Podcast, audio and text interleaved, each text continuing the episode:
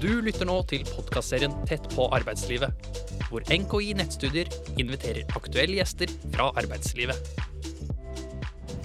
Yes! Dette blir jo kjempespennende. Dette Ja. er litt nytt for meg også med sånn uh, podkast. Jeg er glad i å høre på podkast. Ja. Har ikke laget det før. Jeg har eh, heller aldri vært med på en podkast, men det er litt spennende å bli invitert, da. Mm. Så, men i hvert fall, jeg er eh, veldig glad for i dag har jeg med meg Soran Lotvolai. Han er eh, erfaren sensor i sosiologi.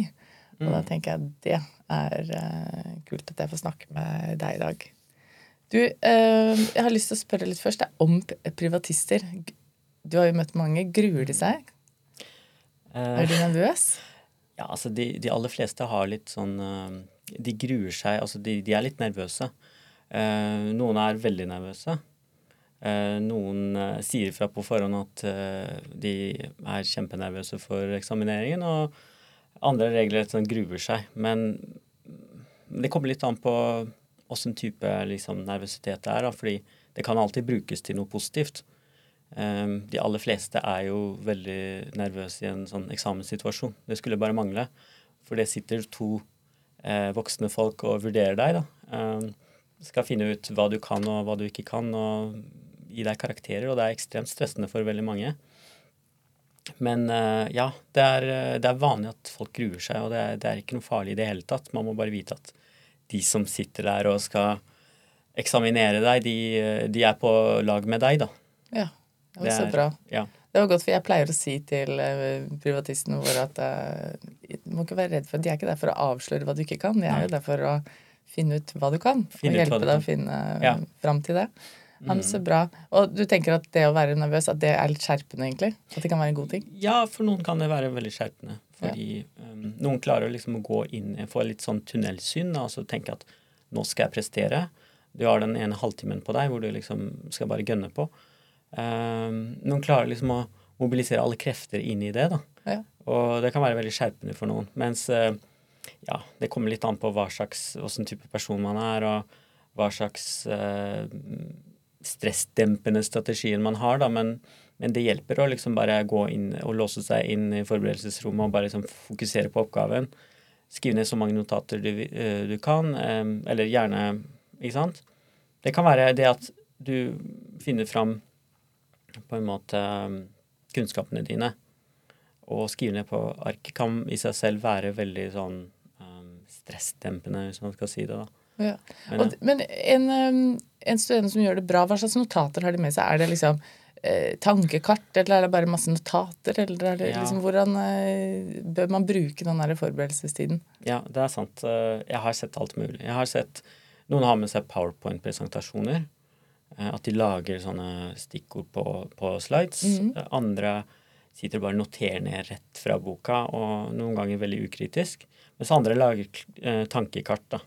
Og jeg tenker at tankekart kan være bra for noen. Noen liker å tenke litt sånn visuelt, da.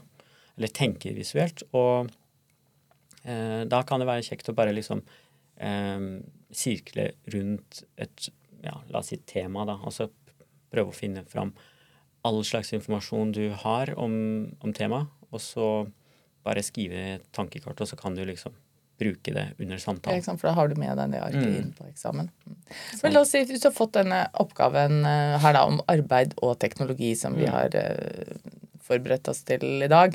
Uh, og problemstillingen er hva kjennetegner dagens uh, arbeidsliv, og hvilke muligheter og utfordringer gir arbeidslivet for ungdom i Norge i dag? Mm. Hvis du får en sånn oppgave som privatist, hvor, hvor, starter du, liksom? Uh, Hva ville du gjort, da, hvis du skulle Mm. Ja, det- bruke forberedelsestiden? Ja, selvfølgelig. Eh, en sånn oppgave må jo på en måte Du må først få, eh, få tak på temaet. Hva, hva er det som er eh, det overordnede temaet her? Og det er arbeid og teknologi. Og da skal du tenke, ikke sant um, Nå må jeg finne ut alt jeg, alt jeg vet, alt uh, som står i boka om arbeid og teknologi. Uh, og så kan du se på selve problemstillingen. da. Hva kjennetegner dagens arbeidsliv? Eh, hvilke muligheter og utfordringer gir arbeidslivet for ungdom som vokser opp i Norge i dag? Eh, hvis man ser på den eh, oppgaven eller problemstillingen, så er det på en måte, den er todelt. Så den må du bryte ned. Eh, du kan kanskje aller først starte med å ja, se på liksom, hva kjennetegner dagens arbeidsliv, og så har du det som et uh, spørsmål. Og det neste spørsmålet er jo hvilke muligheter og utfordringer arbeidslivet gir for ungdom som vokser opp i dag. Da. Um, så det er, liksom todelt, um, det er en todelt oppgave. Du må bare um, ta det ene først, og så det andre, selvfølgelig. Mm. Men hva, hva som kjennetegner dagens arbeidsliv? Hvis du skulle ta noen stikkord på det? Eh, ja, altså Det er jo på en måte Hva kjennetegner Det er egentlig, jeg, når jeg ser på den oppgaven, det er, det er en veldig stor og vid oppgave. Med muligheter for veldig mange innganger til, til temaet. da. Eh, hvor, hvor, er det man skal starte? Det, det må du liksom Du må Du må rett og slett uh, prøve å tenke på uh, for, det, for det første så finnes det veldig mange organisasjonsteorier eh, eller organisasjonsmodeller i sosiologifaget. da. Eh, vi har jo eh, alle disse scientific management, taylorisme. Eh, vi har eh, byråkratimodellen, eh, human relations og new public management. da. Det er ulike samfunnsmodeller, da, eller organisasjonsmodeller, hvor du kan bruke disse til å f.eks. si noe om dagens arbeidsliv. Eh, hva kjennetegner dagens arbeidsliv? Er det privat? Er det marked? Er det offentlig? Det er jo veldig mange sektorer i samfunnet som eh, du kan eh, snakke om. Det er industri, det er primærnæring, sekundærnæringer. Ikke sant? Det er jo Dagens arbeidsliv er jo ja, det er jo både politisk styrt, og så er det markedsstyrt. Du kan gjerne snakke om trepartssamarbeidet her. Gjerne om hvordan staten og arbeidsgiver, arbeidstakerorganisasjoner samarbeider om, eh, om, å fastsette lønninger, forhandle fram. Det er, det er, veldig mye ting å snakke om her, da. Ja. ja. så kan, man kan starte liksom med, med, reguleringen av arbeidsmarkedet i dag. Kunne man starte enda større? Si liksom at vi er eh, informasjons- og kunnskapssamfunn, og se hva som er i dag i forhold til for lenge siden, eller, mm. eller blir det liksom for stort igjen? Eh, nei, du kan absolutt snakke om eh, informasjon, kunnskap og informasjonssamfunnet. Eh, men du må også gjerne snakke om de andre næringene, fordi ja, vi lever i en moderne tid med stor grad av informasjonsflyt. Men vi har jo, hvis man ser litt sånn på samfunnet, hvis man prøver å bryte ned ok, eh, hvordan er det verdiskapingen foregår i dette samfunnet her, så har jo vi primærnæringene, eh, vi har sekundærnæringene, eh, og så har vi tertiærnæringene. Mens det man kaller for kunnskapsbransjen, eller kunnskapsarbeidere, de jobber i kvartærnæringer. Og det er på en måte en liten prosent, da. Selv om vi har, ja, selv om vi har en, eh, et kunnskapssamfunn, så er det jo på en måte Det er en ny sektor som har på en måte vokst fram, en ny næring, da. Mm. Og, og, i Norge så er det vel sånn at vi faktisk har ganske mye råvareproduksjon. Fisk, olje Fisk, olje Ja, mineraler og alt mulig. Ja, mm. det har vi. Mm. Så, så jeg, du kan egentlig ta tak i alt her. Kunne man snakka om um, Startet med arbeid og behov. da. Hva betyr arbeid for ja. uh, mennesker? Er det liksom også en innfallsvinkel man kunne liksom starta med? Absolutt. Arbeid uh, Ja, hva er arbeid? Hvorfor jobber vi? Uh, det er veldig relevante spørsmål, og jeg vet at jeg kunne som sensor ha spurt sånne spørsmål. Ja, hvorfor jobber vi? hva er arbeidets funksjon eh, ja, for individet? Altså man kan se det fra et mikronivå eller fra, fra et mer samfunnsnivå, mak makronivå. da. Eh, det er veldig relevante spørsmål, eh, tenker jeg. Ja. Og når vi snakker om, Er det viktig da å nevne sånn teoretikere. Maslows behovspyramide, eller hva Marx sier om er det liksom, Får du sånn ting, får man liksom poeng da, hvis man gjør det, eller eh, er ikke ja, det så viktig? Når du snakker om arbeid, så kan du bringe inn Emil Durkheim, da. Mm. Han snakker om at arbeid er på en måte han har, Arbeid bidrar til, å, til integrering av samfunnet, at alle delene av samfunnet samarbeider om felles ting. De jobber sammen, de får, får samfunnet til å fungere. Ja, så denne integrasjonsteorien til Emil Durkheim er veldig aktuelt her, da. Det kan du, det kan du bringe inn og snakke om. Um, og så kan du ikke minst snakke om Marx, da. Karl Marx. Mm. Alltid aktuelt. Og hvis jeg da snakker om eh, Durkheim og Marx, eh, er det lurt å se liksom harmoniperspektiv og konfliktperspektiv? Ja. Er det liksom da Selvfølgelig, ja. Viser man at man liksom har litt eh... Da viser det at du, du har forstått eh, den samfunnsfaglige tenkemåten. Da. Altså eh, harmonimodellen, og, eller harmoniperspektivet og konfliktteoretikerne, de, de, um, de, ser på arbeid fra forskjellige ståsteder. ikke sant? Eh, Marx er jo mer konfliktteoretiker. da. Uh, han ser på hvordan arbeidsklassen blir utnyttet eller utbyttet av overklassene, overklassen, borgerskapet osv. Han ser at her er det en konflikt. Uh, og hvis du kan på en måte snakke litt rundt det, vise at her har vi måten konfliktteoretikerne ser på arbeid, konflikter i samfunnet osv. Og, så og så har vi Emil Durkheim, som er mer harmoniteoretiker. da han han ser mest på arbeid som noe positivt for samfunnet. Da. Eh, det er ikke noe konflikt, det er snarere eh, harmoni. Det, er, eh, det skaper eh, gjensidig solidaritet mellom ulike samfunnsgrupper. Eh, det er samfunnsintegrerende, da. Ja. Si. Sosialt integrerende. Kult. Men jeg, jeg kom, hvis jeg var privatist, og så hadde jeg forberedt meg, kommer inn til sensor, har masse notater, masse sånn temaer, mm. er det lurt å starte liksom Ja, jeg har tenkt jeg skal snakke om, og så sier man Ramser opp kanskje åtte punkter, men jeg starter med Er det liksom et sånt triks for å vise at eh, man har litt oversikt, og så at man kan styre hvor sensor stiller deg spørsmål og sånn, for da har du liksom allerede lagt ut litt sånne mm. tråder? Eller bør man bare starte liksom på det man er best på, og så snakke vei? Ja. Egentlig det er jo på en måte litt forskjellig hvor, hvor folk starter. Man kan starte, det, det, lureste her er å starte med det oppgaven spør om. Altså Hva kjennetegner arbeidslivet? At hvis du kan starte der og gå litt systematisk til verks um, Hvis du har litt sånn systematikk da, i det du sier, og at du går litt grundig gjennom fagstoffet, så, så, er det veldig bra. Men hvis du liksom um, starter noe, Noen starter kanskje litt i feil ende. Uh, og så må på en måte sensor eller eksaminator hale person inn igjen. da. Uh, og det er bare sånn, ja, kan vi, kan vi, ta tak i det viktigste her, kanskje? Du må på en måte først se det viktigste og starte med det viktigste. Og så som jeg sier, da uh, Dette er en veldig stor og vid oppgave. Man, man kan angripe det fra forskjellige steder. Men uh, ja, jeg, jeg, tenker sånn Dagens arbeidsliv kanskje, kanskje, det går an å bare starte med arbeid. Hvorfor jobber vi? Mm. Det er veldig, da, da starter det på en måte i det vide. Um, Hvorfor jobber vi? Hva slags funksjon har det for samfunnet? For individet? Ikke sant? Skaper eh, mening og struktur i livet og hverdagen osv. Og, så og at du starter der, så kan du etter hvert komme inn på de, de mer tyngre teoriene, da. Ja, ikke sant. Og så kunne du gått via disse, disse Taylorism og ja.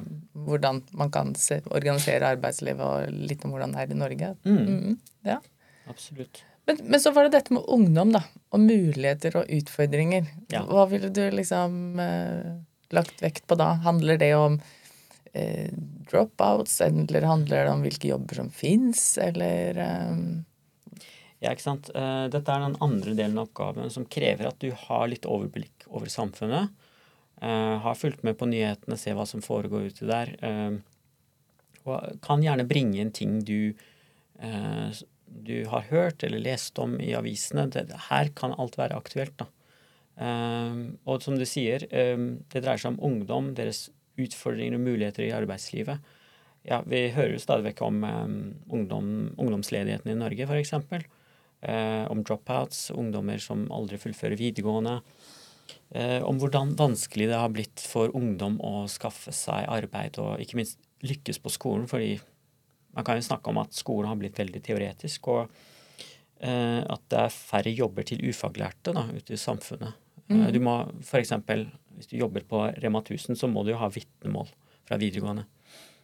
Og vi lever jo allerede i et sånt kunnskapssamfunn hvor liksom det, det kreves Det er altfor høy um, Hva skal jeg si krav om utdanning, da. Mm. Hva med konkurranse fra arbeidsinnvandring, er det naturlig å se her? Hvis du liksom ønsker å bli håndverker eller eh, sånn, så Ja, det er kjemperelevant her. Konkurranse fra arbeidsinnvandring, som du sier. Mange håndverkere kommer jo fra andre europeiske land. Og ja, det er, det er, kjempeviktig. Og det kan jo forklare hvorfor f.eks. For eksempel, yrkesfagslinjene har på en måte gått litt nedover. da, At det har gått litt nedover med de, disse yrkene. Fordi mange av disse bransjene har blitt overtatt av arbeidsinnvandring. da.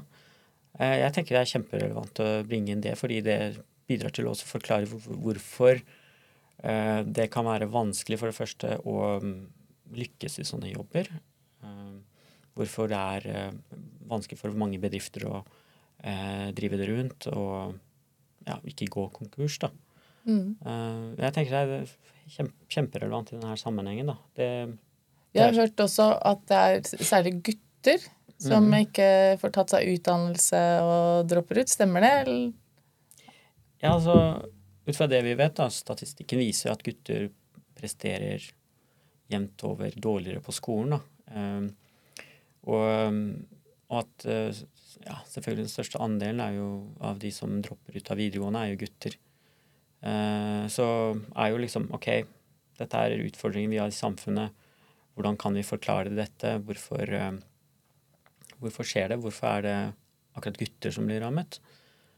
Det fins jo mange forklaringer. Du kan gjerne snakke om det uh, i denne sammenhengen, da. Men, men, jeg vil ikke si at det er veldig relevant akkurat det hvorfor gutter blir skoletapere i nettopp denne sammenhengen.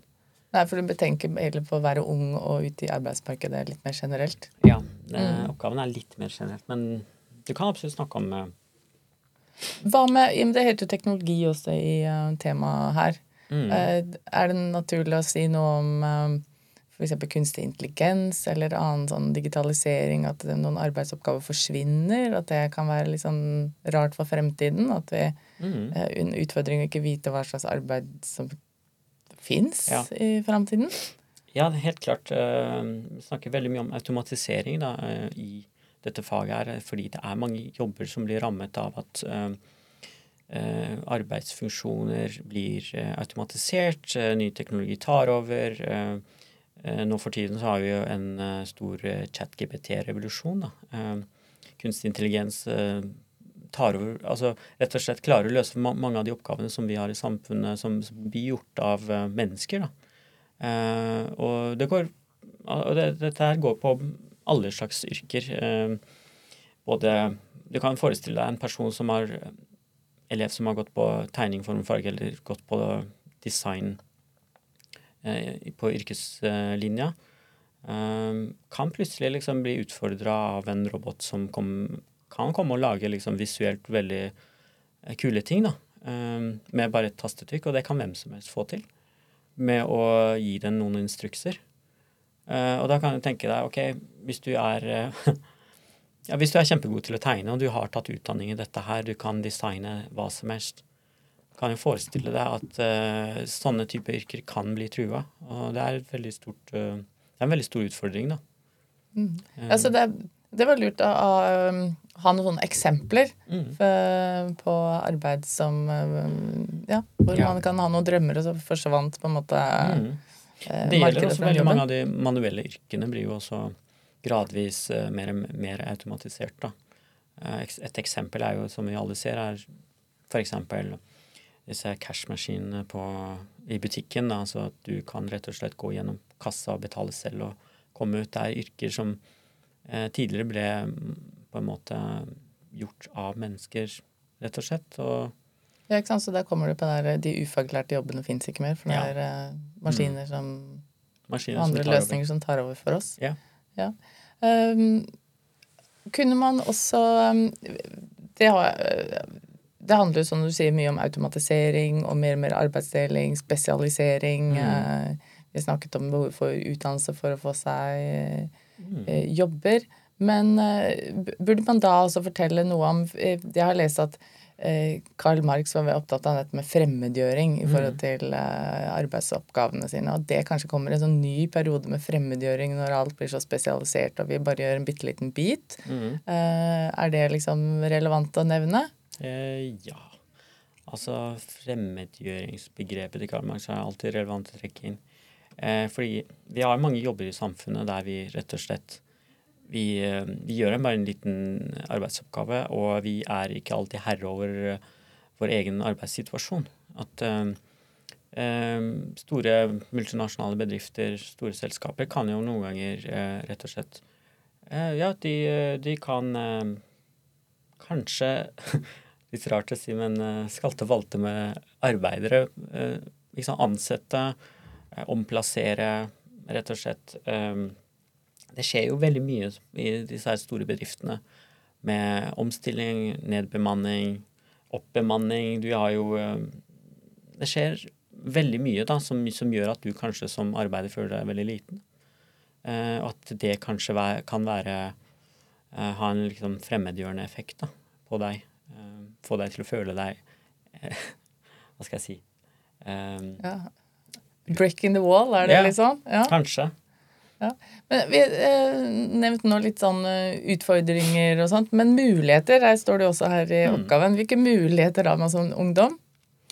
Ja, altså vi snakker gjerne om, Når vi snakker om eh, det moderne postindustrielle samfunnet vi, vi, har et, vi, har jo, vi lever i et kunnskapssamfunn, en informasjonssamfunn med høy krav til utdann, utdanning. Uh, man kan jo kanskje gjøre et poeng ut av dette med at uh, ja, vi, vi, lever i et samfunn som er styrt av den logikken om at eh, hvis du har utdanning, hvis du har gode ferdigheter, hvis du er flink i et eller annet, så kan du komme veldig langt med det. på fagspråket så heter det mer, meritokrati, altså meritter. hvis du vi, vi, Vårt samfunn er jo Det er i hvert fall styrt av den logikken om at har du meritter, er du god i et eller annet, så kan du f.eks. Du kan komme veldig langt.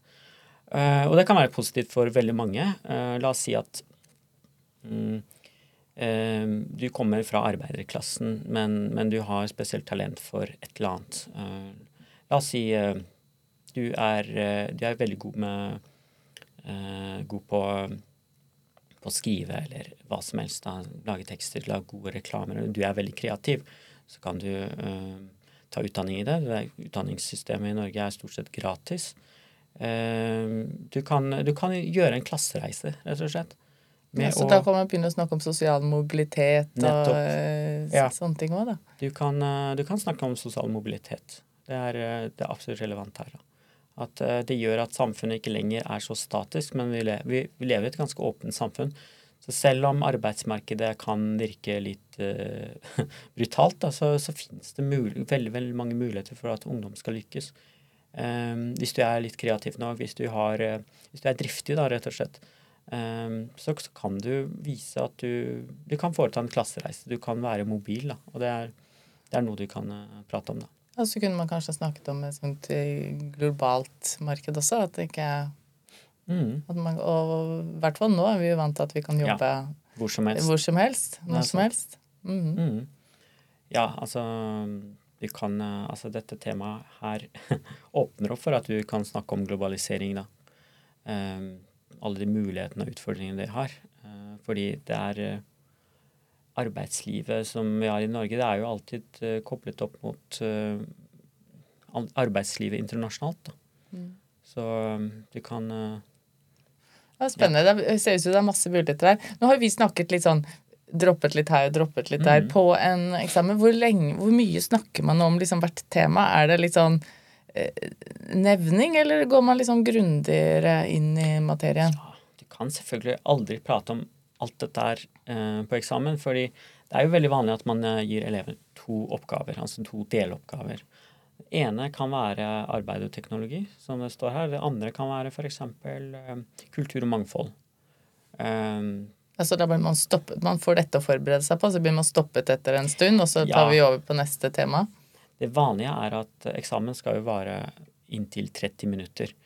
Men det er ikke, det er ikke alltid man bruker opp all den tida, og det trenger man nødvendigvis ikke.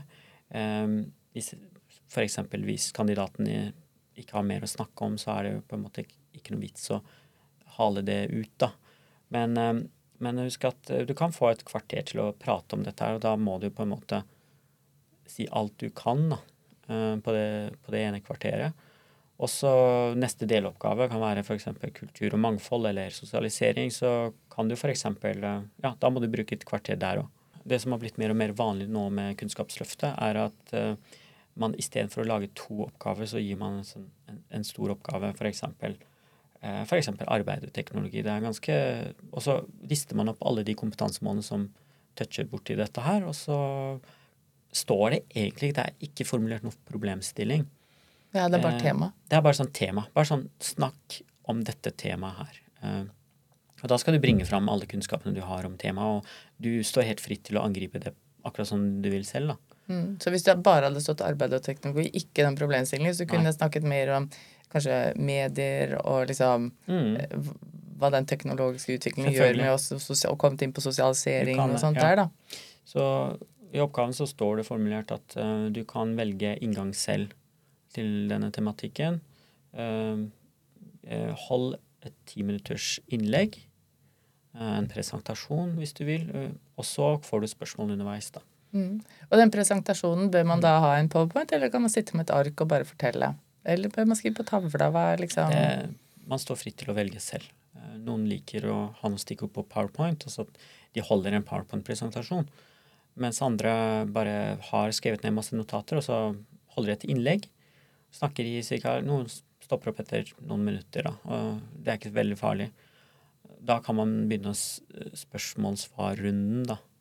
Mm. Uh, ja, så um, Altså etter gjerne ti minutter Hvis du klarer å snakke mye, da, uh, styre samtalen selv og ta regien uh, på det, da, så, så er det jo veldig bra. Men Det gjør ingenting om du eh, ikke kan snakke, ikke kan holde et innlegg i ti minutter. Nei, så, okay, så hvis du får beskjed om at du skal ha et innlegg i ti minutter, og ikke klarer det, så er ikke det er ikke krise. Det er ikke krise i det hele tatt. Nei, for da, da går det over til en samtale etter det. Mm. Ja, og noen liker å ha en dialog, dialogisk kommunikasjon, at eh, man, man liker å få spørsmål. Uh, og jeg er også en sånn type som liker å få spørsmål sånn at jeg kan svare på det. Jeg er ikke en som eh, kan holde en monolog i en halvtime.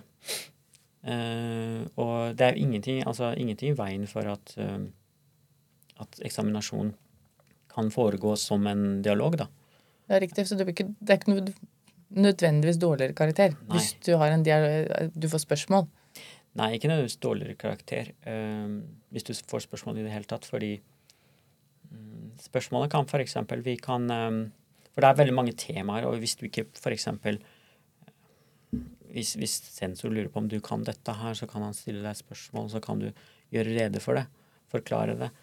Um, så du må på en måte Du må Men du må, du må helst styre samtalen. Du må på en måte styre samtalen selv. Du må ikke vente på at eksam, eksaminator eh, haler deg gjennom det, eller eh, gir deg masse drahjelp, da. Nei, men du må ikke være redd hvis du får et oppfølgingsspørsmål, så kan det likevel gjerne være bra. Ja. Oppfølgingsspørsmål kan være bra. Mm. Mm.